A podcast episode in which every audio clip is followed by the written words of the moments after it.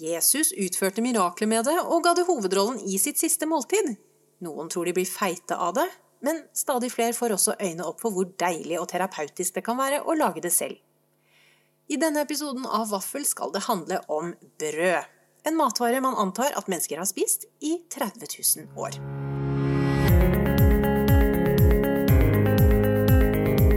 Hei, jeg heter May-Britt, og jeg sitter her på kjøkkenet mitt i Oslo.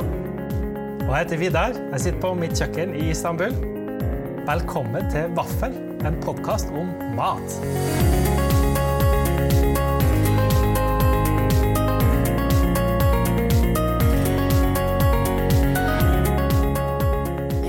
Nå skal vi snakke om noe som mange nordmenn ikke syns de får tak i da, når de er i utlandet. Grove og gode nok eksemplarer av brød. Du bor jo i utlandet og har gjort det i mange år, så nå vil jeg spørre deg, hvordan står det til med deg og de grove brødskivene eller blingsene der hvor du eh, befinner deg? Du, det må jeg få si, det er egentlig heller dårlig, med mindre du eh, gjør det sjøl.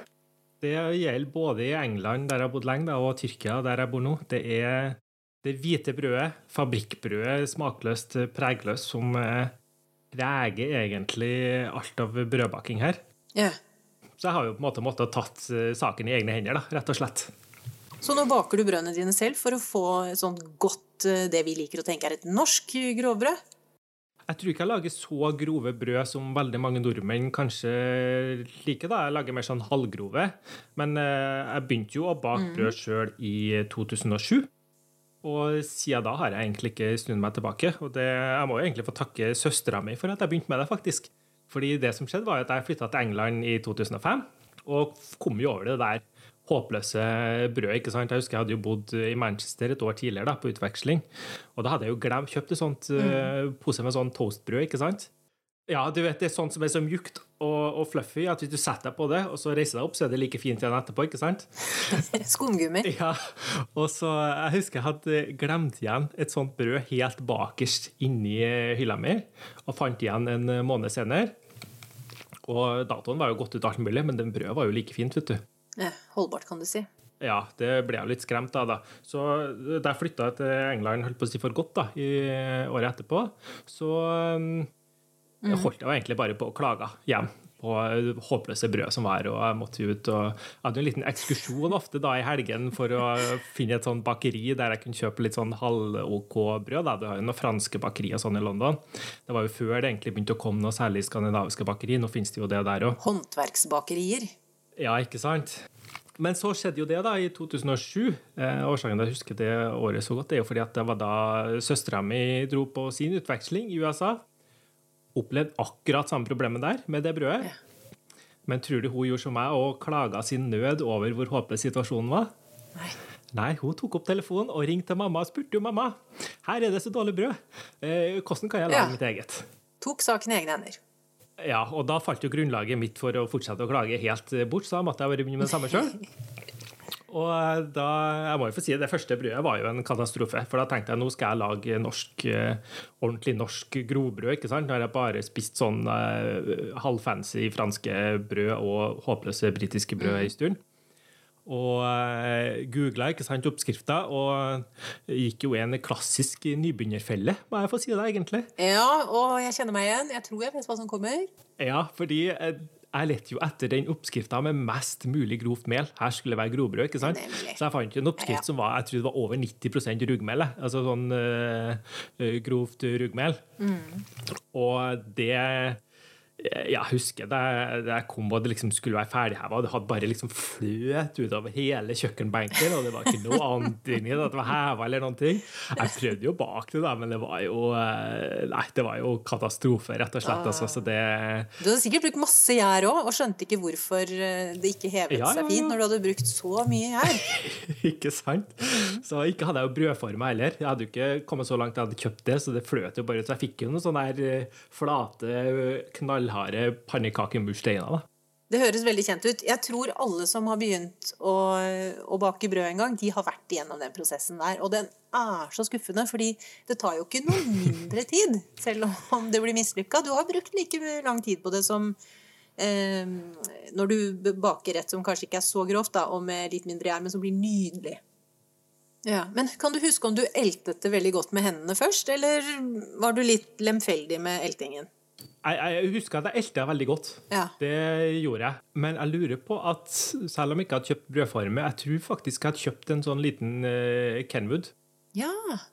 Men der jo var jo, gikk jeg jo en sånn klassisk nybegynnerfeil, for jeg kjøpte jo ikke en uh, Kenwood som var egentlig det vi tenker på som en ordentlig Kenwood, da, med skikkelig motorkraft. Jeg kjøpte jo en sånn skikkelig billigutgave. Jeg tenkte jeg skal ikke kaste masse penger over bordet bare fordi jeg skal prøve å bake brød. Men jeg må jo ha ei brød, sånn maskin for å elte med. Mm. Og da hadde jeg jo ikke skjønt det at en brøddeig er ganske heftige greier å elte, så du må faktisk ha litt motorkraft. Så den, den Kenwooden var kanskje ikke ideell da, til å bake store, tunge brøddeiger. Du ville kjøre verden rundt i en Fiat Panda.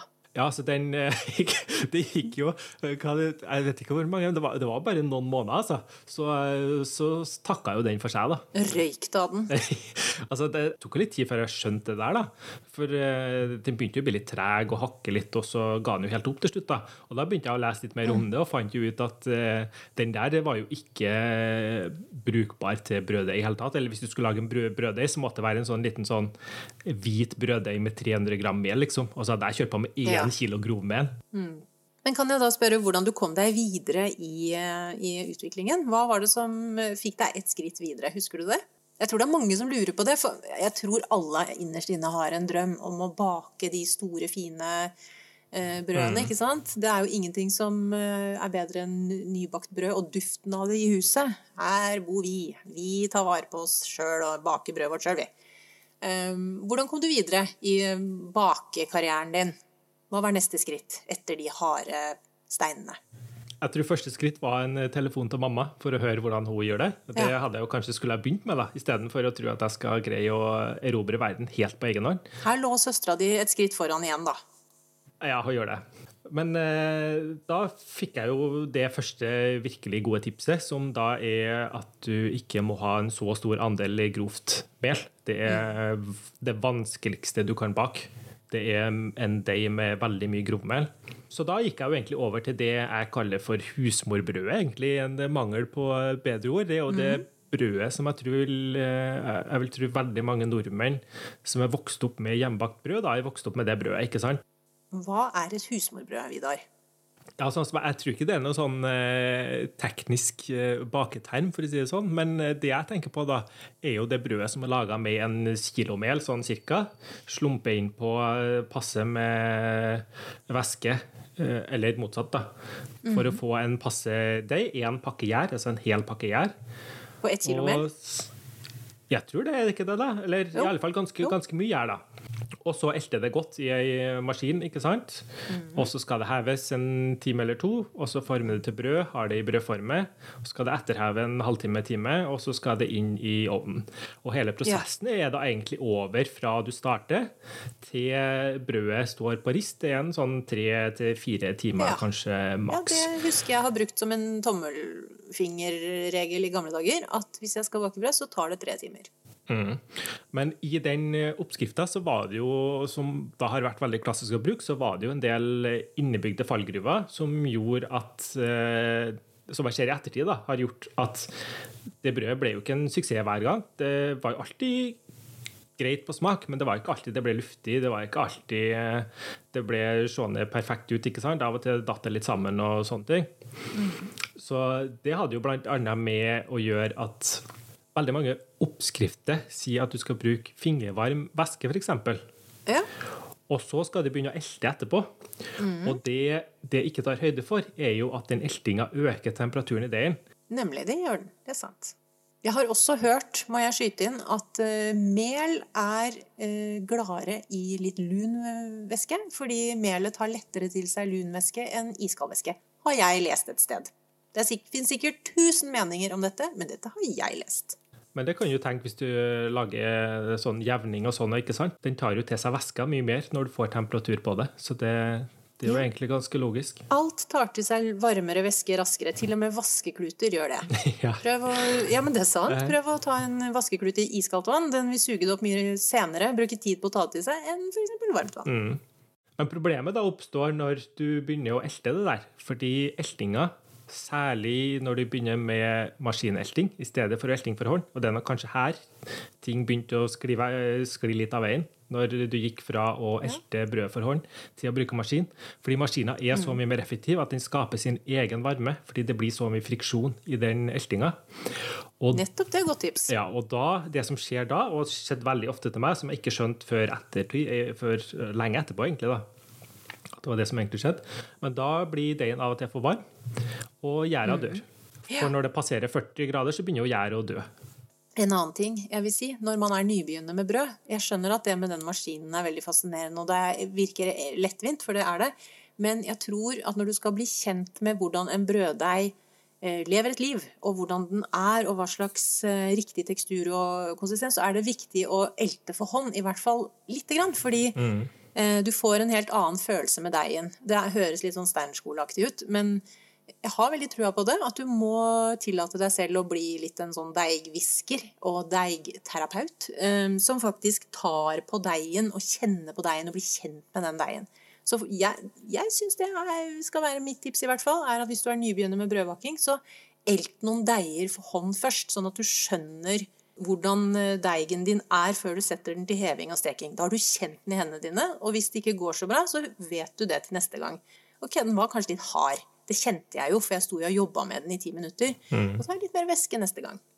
Ja, det tenker jeg er et veldig godt tips, fordi brødbaking handler jo egentlig mye mer om å føle seg fram enn veldig mange andre, andre oppskrifter. Altså Det mm. er veldig mange faktorer som er med inn i bildet, som gjør at du må kanskje avvike fra det oppskrifta sier, da, fordi eh, ja. forholdene ikke er det samme. Altså temperatur, romtemperatur på sommer mm. og vinter kan være to helt mm. forskjellige ting. Tørt eller vått klima. Absolutt. Og sånne ting har veldig stor innvirkning, for her snakker vi om levende ting. Ja, Og også hva slags mel du bruker. Ikke bare om grov, grovhetsgraden, men om det er godt eh, glutenhold i melet ditt. Mm. Det var en periode i Norge hvor økologisk norsk mel hadde veldig dårlig med gluten. Sånn at oh, ja. Eh, ja. Så det var faktisk fryktelig vanskelig å bake godt heva, luftige brød med norsk økologisk mel. Jeg vet ikke mm. hvorfor det var sånn, men jeg bare vet at for noen år siden så var det en utfordring. Ja, de vil være forskjeller. Altså det, selv om du måler det på gram Og her bare for å si, da, eh, jeg er veldig stor fan av å bruke gram når du skal bake med ja. bakebrød. Hvorfor det, Vidar? Jeg vet hvorfor, men fortell de som hører på oss. Hvorfor det? Fordi eh, vektmål er mye mer nøyaktig. Ja, Hva skjer når du heller mel i volummålet? Det trykker seg sammen, ikke sant. Så jo mer du rister på det altså, det, altså du, kan, du kan bare ha mel i et litermål, og så dunker du noen gang på kjøkkenbenken, så vil du se at det faller sammen. Ja. Og det kan du fortsette med eh, så lenge som helst, bare holdt på å si nesten. Så um, du kan få et veldig kompakt pakka mel, eller du kan få et veldig luftig pakka mel. 8-9 mm. dl, 1 liter mel, det kan være veldig stor forskjell på hvor mye mel de egentlig innebærer. Ja. Men gram det må jeg få si, da har du veldig god kontroll. Så selv de eh, forskjellene på meltypene som du snakker om, f.eks., de gjør seg fremdeles gjeldende. Så noen vil ta til seg væske på en litt annen måte enn andre meltyper. Det har også med eh, malinga av mel å gjøre. Ja. Men uh, den forskjellen blir da mye, mye mindre fremtredende enn om du bruker et desilitermål og ikke har pakka melet ditt på nøyaktig samme måte som den som skrev oppskrifta. Mm det er jo også mange forskjellige typer måter å lage forskjellige typer brød på. Da, ikke sant? Noen eh, typer brød skal jo ha en ganske våt deig. Ja. F.eks. hvis du lager ciabatta eller foccaccia, i den grad du kan kalle det brød. Da. Det blir en annen type brød. Mm. I forhold til en del mer klassiske hverdagsbrød, da, som kanskje skal være litt fastere i formen. Ja. Så det ved å bruke eh, vektmål, så vil du komme mye tettere da, opp mot det som den som har skrevet oppskrifta, har gjort da den har blitt laga. Så det vil jeg si alle som tenker på å bake brød etter oppskrift, så er det første du bør gjøre, det, hvis du ikke allerede har det, det er å gå til anskaffelse av ei lita kjøkkenvekt. Ja, gjerne digital, så du leser godt, vil jeg si da. Du trenger ikke å kunne veie ulovlige substanser på den. Den trenger ikke være så presis, men eh, en god kjøkkenvekt fra en butikk, en kjøkkenbutikk eh, mm. med digital eh, litt, litt, følsom skal den være. Um, men når vi snakker om brød, så er det jo som du sier ulike typer, og brødet har jo også ulike funksjoner. Det brødet vi snakker om nå, er jo sånn matpakkebrød, kan jeg kanskje kalle det. Det norske liksom, frokostbrødet. Og vi spiser jo veldig mye brød i Norge. Vi spiser det til uh, tre av fire måltider i løpet av en dag, hvis vi spiser fire måltid. Frokost, lunsj uh, og kveldsmat. Det er tre måltider der. Og så har vi det som regel ikke til middagsmaten. Men eh, både i Irland, der jeg har bodd, og så har jeg også i gamle dager vært sammen med en mann fra Balkan. Og de var veldig opptatt av å ha brød ved siden av middagsmaten. Mm. Hvordan er det i Tyrkia, Vidar? Akkurat det samme. Så her er det jo det, det, det, Folk føler jo ikke at de har fått servert middag hvis det ikke er brød ved siden av. Men hvorfor er det sånn? Det ligger jo i eh, historien her, da. Så her eh, er det jo de områdene som eh, hvete først ble dyrka. Så det er jo på en måte opphavsregionen til brød, og det har vært lett å dyrke frem korn, og de har bakt brød av det. Mm. Så det har vært en ekstremt viktig kilde til næring i veldig mange ja. år. Og metter jo godt også. Ikke sant? Og det er det jo fremdeles frem til i dag òg. Um, ja. altså, Samboeren min hadde regna på det for noen år siden brukt litt sånn offentlige statistikker og sånne ting. fordi jeg fant ut at folk her kjøper jo så utrolig mye brød. Jeg ser jo det, eh, Bare kikk ut vinduet mitt på ettermiddagen, f.eks. Da er det jo veldig mange av naboene her som har vært på bakeriet for å kjøpe brød til middagen. Og de, de kommer jo med store sånn S-poser ikke sant? med mm. tre, fire, fem brød i. For da skal de ha kanskje ett brød per pers da, ikke sant? til middagen. Eller i alle fall, uh, alle fall nesten et brød per pers. Og det, mm, det er jo sånn hvitt brød, så det er ikke så mye så heavy sånn sett. da. Men det er klart det gir jo veldig mye næring, og ikke minst kalorier. Så det ja. samboeren min regna på, var jo uh, hvor stor andel av tyrkerne sitt uh, kaloriinntak kommer fra det hvite brødet. Og jeg husker ikke akkurat nøyaktig hva det tallet var, men det var uh, sjokkerende høyt. altså Det var et sted sånn 30-40 tror jeg. Mm. Så det sier jo litt om hvor uh, viktig det er her. da. F.eks. Eh, kjøtt er jo veldig kostbart her. ikke sant? Så, Men brød, det, det er rimeligere? Det er kjempebillig, og det er jo regulerte priser, faktisk. Men jeg tenker også da på at uh, jeg tror nok f.eks. da at brødet du får her i Tyrkia, er av hakk hakket bedre kvalitet enn det du får f.eks. i England og faktisk mange andre plasser, ja. og til og med i Norge, tror jeg. Fordi det er fremdeles laga på bakeri. Det er litt sånn mm. pregløst, og det er laga litt sånn kjapt. Men altså, da var i England 80% av det brødet som selges i England, er jo laga på en sånn eh, fabrikkmåte som heter for Chollywood bread uh, process, tror jeg det heter. Det er jo en sånn ganske ekstrem eh, måte å lage brød på. Jeg vet ikke om du har hørt om det? Skal jeg fortelle hva det er for noe? Ja, jeg ser for meg at det er litt på samme måte som disse enorme fjøsene med gris, f.eks. Altså alt handler om effektivitet og mengde og pris. Men får høre. Ja. Fortell. Ja, fordi det, det, var jo noe som eh, Det var en sånn uh, forskningsdel av et sånn britisk bakelaug som hadde uh, funnet fram til den metoden der. Og det er jo egentlig en ganske ekstrem måte å lage brød på, der de bruker veldig mye kraft på å elte deigen veldig raskt. Så de uh, elter den bare i tre minutter. De blander sammen alle ingrediensene. Elter i tre minutter, men med så stor kraft at jeg tror de regna om det i kilowatt, altså energi i kilowatt da. Og det er, var bortimot åtte ganger mer enn en vanlig brøddeig. Ja. på de tre minuttene. ikke sant? Så det, Du står og elter i 20 minutter, 30 minutter hjem for å få det hjemmebakte brødet ditt uh, ordentlig godt. Åtte ganger så mye energi går inn i det brødet på tre minutter. Ja, Tenk deg åtte personer rundt et bord med én brøddeig i midten, og alle står og knar på den. Det hadde vært litt gøy. Ja, det blir jo som å elte den da, kan du si, fire timer. Men det gjør de på tre minutter, og så deles den opp automatisk i biter. Og da får den eh, eh, første hevinga i hele fem minutter. Og så formes det til brød over i forme, og så får det en etterheving, skikkelig ordentlig etterheving, på sånn, eh, nesten tre kvarter, tror jeg det får. Ja. Og så er det i ovnen. Og, eh, så det betyr det at fra én time fra de begynner på den brøddeigen, så er brødet ute av ovnen. Og så skal det bare avkjøles, skjæres opp og pakkes. Men det som skjer da, ene tingen er jo at det er en uh, ekstremt intensiv prosess. Men det andre er jo at kjemien i brødbaking er sånn at der holder jo ikke sammen på normalt vis. Så det betyr at de må tilsette en god del ting i den prosessen for at brødet skal bli brød, ikke sant? Hemmelige ingredienser. Ja, de er ikke så hemmelige, kanskje, da, men eh, det er kanskje ikke sånne ting som du vil tilsette i ditt hjemmebakte brød. Så eh, det er jo diverse da enzymer, emulgatorer, eh, ekstra gluten, selvfølgelig. Ja, Har du ikke emulgator i skapet, Vidar? ja, jeg har, et, jeg har jo ganske mye i kjøkkenskapet mitt, men akkurat der går grensa, altså. Det høres ut som noe man kan ha i nattbordskuffen, spør du meg. Jeg tenker jo mer at eh, sånn generelt da, da, med mat, når at du eh, leser på pakningen ting som eh, kanskje like godt kunne ha funnet på et apotek som i en matbutikk, ja. da, da, er det kanskje ikke sunt å være litt skeptisk. Ja. Så så det som skjer da, altså det de gjør, de tilsetter jo da ekstra gluten, f.eks. Og her kommer det med glutensensitivitet inn. Eh, masse ekstra gluten. Og fett. ikke sant? Det er jo ikke nødvendig vanlig brød, men her må de ha det for at eh, det hele skal henge sammen, rett og slett. Ja. Fordi at glutennettverket da skal binde seg sammen og eh, heve seg og få både den konsistensen oppi jaktnettet, at det skal bli luftig, og at det skal holde seg veldig lenge, for de er opptatt av det òg. Så smak, eksempel, det kommer jo langt ned på lista over prioriteringer i denne måten å lage brød på.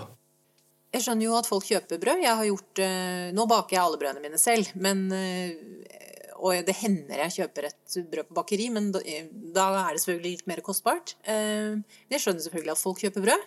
Eh, det er begrenset hva man har med tid og anledning til å stå og bake og elte og føle på en deig. Men da vil jeg komme med det som har reddet meg. Så jeg vil veldig gjerne trekke frem en eh, dame som har reddet meg fra å måtte kjøpe brød hver eneste gang jeg skal ha brød.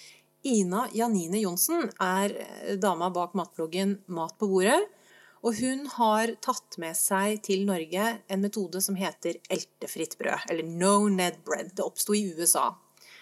Eh, og hun har gitt ut to bøker vel, med oppskrifter på eltefritt brød. Og den siste handler mm. bare om eltefritt brød. Der er det både søte gjærdeiger og hverdagsbrød. Alt mulig. Helt, helt nydelig. Og dette har reddet meg, for nå baker jeg bare brød sjøl. Jeg kjøper nesten aldri brød. Ja, hva er det som gjør den eltefrie metoden som, eh, så mye lettere? Da, som gjør at du føler at du kan bake brød i hverdagen nå, der du ikke kunne gjøre det før, da du laga husmorbrødet? Ja, det er jo det at jeg slipper å, å, jobbe med å elte det og passe på mens det hever, og så etterheve alt det der. Fordi i en brøddeig så har du to typer protein. Det er to typer glutenprotein. Da, og de må jobbe sammen for å danne et sånn nydelig nettverk som gjør at du får det fine, luftige brødet og at det hever nok. Um, og det skjer ved elting. Men du kan lure det, holdt jeg på å si, du kan gjøre det på en annen måte òg, og det er å tilsette mer væske til deigen. Da oppstår mm. de nettverkene av seg selv, bare de har nok å drikke. Mm. Det er som nordmenn, dette her. Gi nok å drikke, så skaper vi nettverk. da blir vi sosiale og går sammen i lag. Eh, løfter stemningen og brødet. Så at eh, du eh, bruker altså mer væske. Så det du gjør, er at du rører sammen de typene mel du skal bruke. Det kan være smart å starte da med et halvgrovt brød, sånn at du er sikker på at du får et eh, bra resultat. Og så bruker du ikke en pakke gjær, du bruker altså en halv teskje med gjær, tørrgjær. Mm. Og så væske. Vann. Kaldt vann. Blander det sammen til en klissete deig. Dekker den bollen og lar den stå i minimum åtte timer. Og det betyr at jeg f.eks. jeg setter den deigen eh, før jeg går og legger meg, da, før en helg f.eks. Setter den på fredagskvelden, rører det sammen, setter den på benken. Og når jeg da står opp dagen etter, så har deigen jobba på egen hånd. Så da har den est seg opp og blitt fin. Og ganske, ganske klissete fremdeles. Men tar du mm. mel på bordplata, får ut den eh, deigen, bretter etter den noen ganger med litt ekstra mel. Lar den etterheve kanskje en halvtime. Det er ikke alltid jeg gidder det engang. Jeg bare lar den stå og heve mens jeg setter på ovnen. Nå kan mm. du bruke brødformer også. Eh, det har jeg begynt med. Men jeg skal forklare hvordan du gjør det med gryte. Så tar du en jerngryte med et lokk som tåler eh, høy varme. Smeller ovnen opp på høyeste temperatur, 250 da på min. Inn i ovnen med gryta og lokk. Så står den gryta og varmer seg opp sammen med ovnen. Når ovnen er varm, mm. så tar du ut gryta, tar av lokket, og så tar du deigen, bretter den kanskje et par ganger til, og får den nedi den gryta med uh, bretteskjøten ned. Sett på lokket. Vær forsiktig, da, så du ikke brenner deg. Ja, vær forsiktig. Må bruke gode grytevotter. Mm. Og så eh, deigen oppi, på med lokket, inn i ovnen. Fremdeles på full guffe en halvtime. Etter en halvtime så skrur du ned ovnen lite grann. Må, man må se på nettet eller kjøpe boka til Ina, så får du konkret oppskrift. ikke sant? Tar av lokket og la brødet steke et kvarter til uten lokk. Og da får du altså et brød som ser ut som det koster 75 kroner på den mm. hipsterbakeren på hjørnet. Det er helt nydelig. Sprø skorpe, saftig og luftig inni seg. Perfekt. Du baker det på en måte i en ovn i ovn, da, med den eh, Ja, I en ovn i en ovn. Ja. Meta. For det, ja, det som gjør eh, at det der er en så suksessfull måte da, kan jeg si, å bake brød på, er jo at det på en måte speiler veldig godt hva du gjør i profesjonelle bakerovner. Fordi det lokket på den gryta det gjør at du fanger all fuktigheten ikke sant? Som eh, kommer opp av brødet når det stekes. Ja. Vanligvis så forsvinner jo det rundt om i ovnen, og kanskje ut også, fordi ovnen din er ikke helt tett. ikke sant? Men med det lokket på, så vil jo den fuktigheten være der, og det betyr at skorpa ikke får satt seg så veldig tidlig. Altså Den holder seg ganske mjuk ganske lenge, og det gir da brødet tid til å ekspandere, og at det fortsetter. Og, og ja, For gjæra funker jo godt opp til, opp til bortimot 50 grader. Den begynner å dø ved 40, men det funker fremdeles litt opp til 50 grader. Så det brødet fortsetter jo å heve seg i ovnen. Ja. ja. Og det får du utnytta til det fulle med Ja. den metoden der. Jeg har også bakt eh, Det er interessant at du forklarer den prosessen. Den var ikke jeg klar over, da. Men eh, fordi jeg har også bakt de eltefrie brødene i brødform, og det blir også superfint. Men det blir jo ikke mm. så høye brød, eller så Det blir kanskje bare 45 kroners brød, da. ja. Eller, eh, og ikke 75 kroners brød. Ja. Der er det jo ting du kan gjøre, da. Så jeg, jeg jo også de eltefrie brødene. Har gått over til det Ja, det var nesten ganske nøyaktig ti år siden, egentlig. Så jeg begynte med det, jeg òg. Jeg må jo få si det Det er jo en veldig radikal proposisjon helt til å begynne med. ikke sant? Det er jo en helt, helt annen type måte å bake brød på enn det jeg egentlig har blitt fortalt i hele oppveksten. Ja. På skolen vi hadde heimkunnskap der, ikke sant? og du har kikka på Ingrid Espelid osv.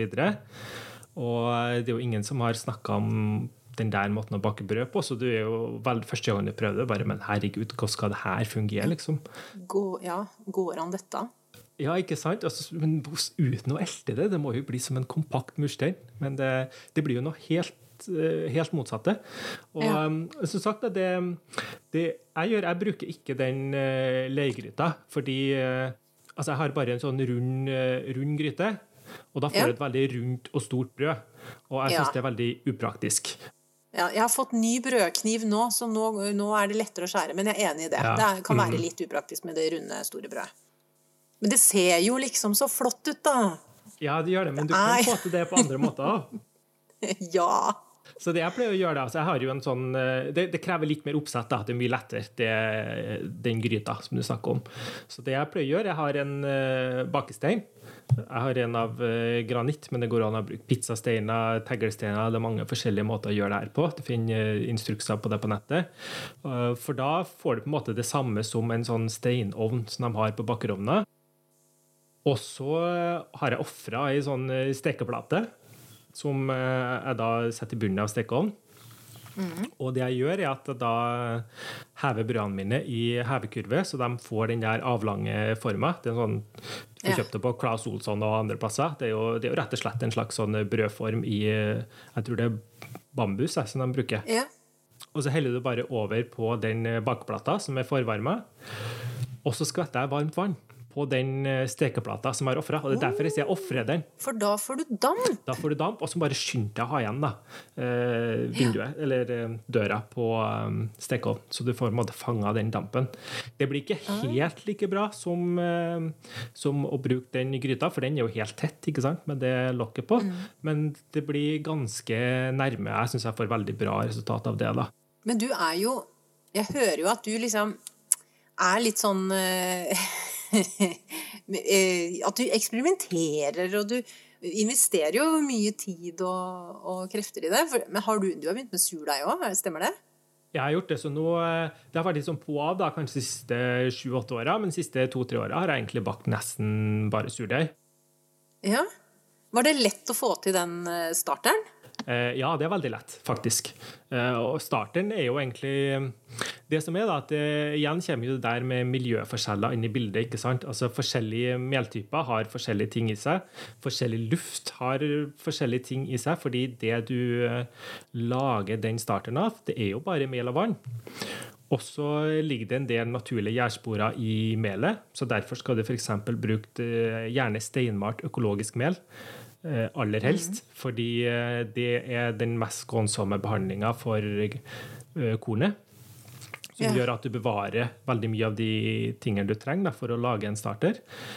Også, det er et levende mel, kan man vel kanskje si. Ikke sant? Og så tar det seg da i tillegg eh, til naturlige gjærsporer som finnes i lufta. Så sant, litt avhengig av miljøet du er i, så kan det bli mer eller mindre av det. Så det tar mm. egentlig da alt fra jeg vil si fire-fem dager til to-tre uker. Før, fra du da begynner med mel og vann, som du rett og slett bare lar stå i en dag eller to. Og så, etter da, når det da begynner å boble litt i det, så kaster du det mesteparten og har i nytt mel og vann. Så du har en sånn slags grøt gående, da. Og, og, det er jo det Det høres jo ut Jeg er et utålmodig menneske, så for meg så høres det så veldig sånn åh, Gud, må jeg sette av en hel uke? Men når du da først har den, ja. så har du den jo. Et helt liv og i generasjoner.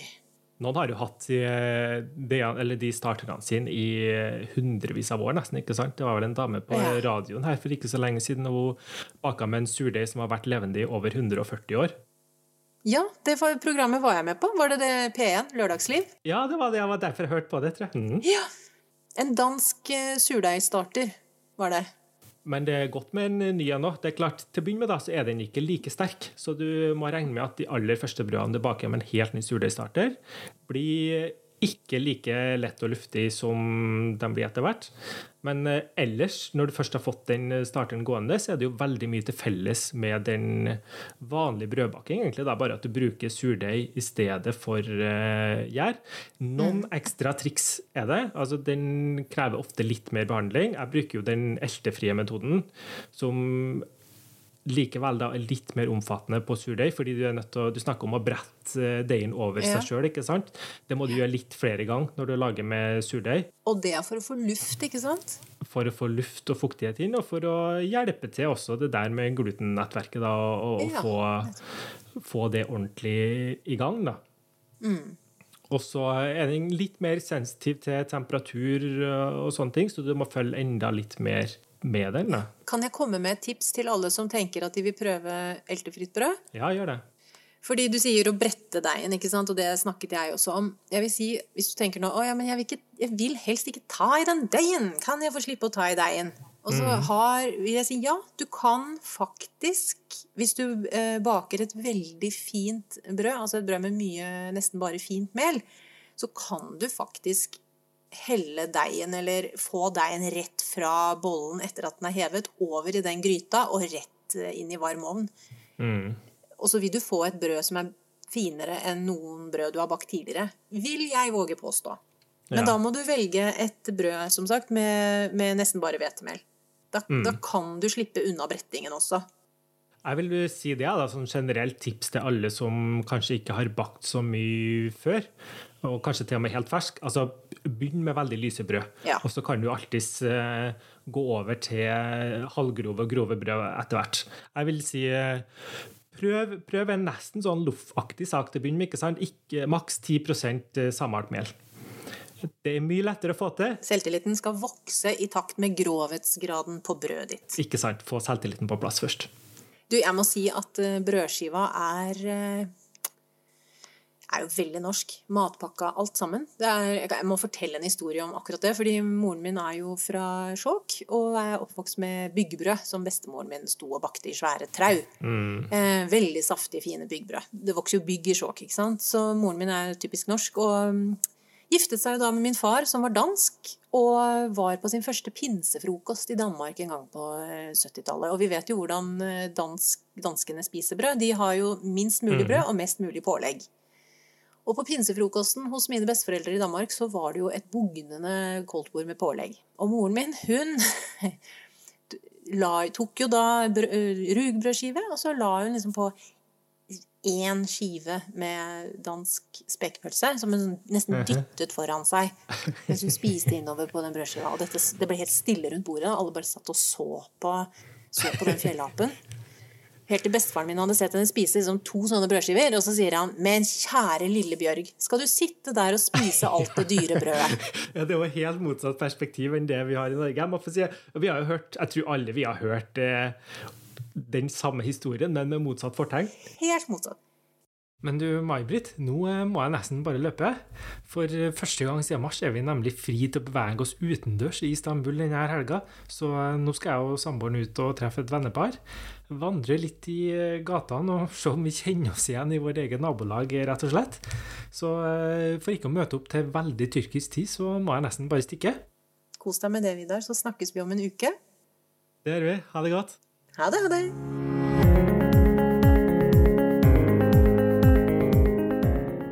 Takk for at du lytta til denne episoden av Vaffel. Ble du inspirert til å bake brød, eller bare vil vite mer om ting vi snakka om, finner du lenker til relevante bøker, oppskrifter og artikler på bloggene våre, Spiselandslaget og Et kjøkken i Istanbul. Neste uke skal det handle om måltidet mange hevder er dagens viktigste, mens andre mer eller mindre elegant hopper over hver eneste dag. Hva spiser May-Britt til frokost? Hvorfor hevder jeg at tyrkisk frokost er verdens beste? Neste ukes episode av Vaffel skal altså handle om dagens første måltid. Takk for nå, og på gjenhør.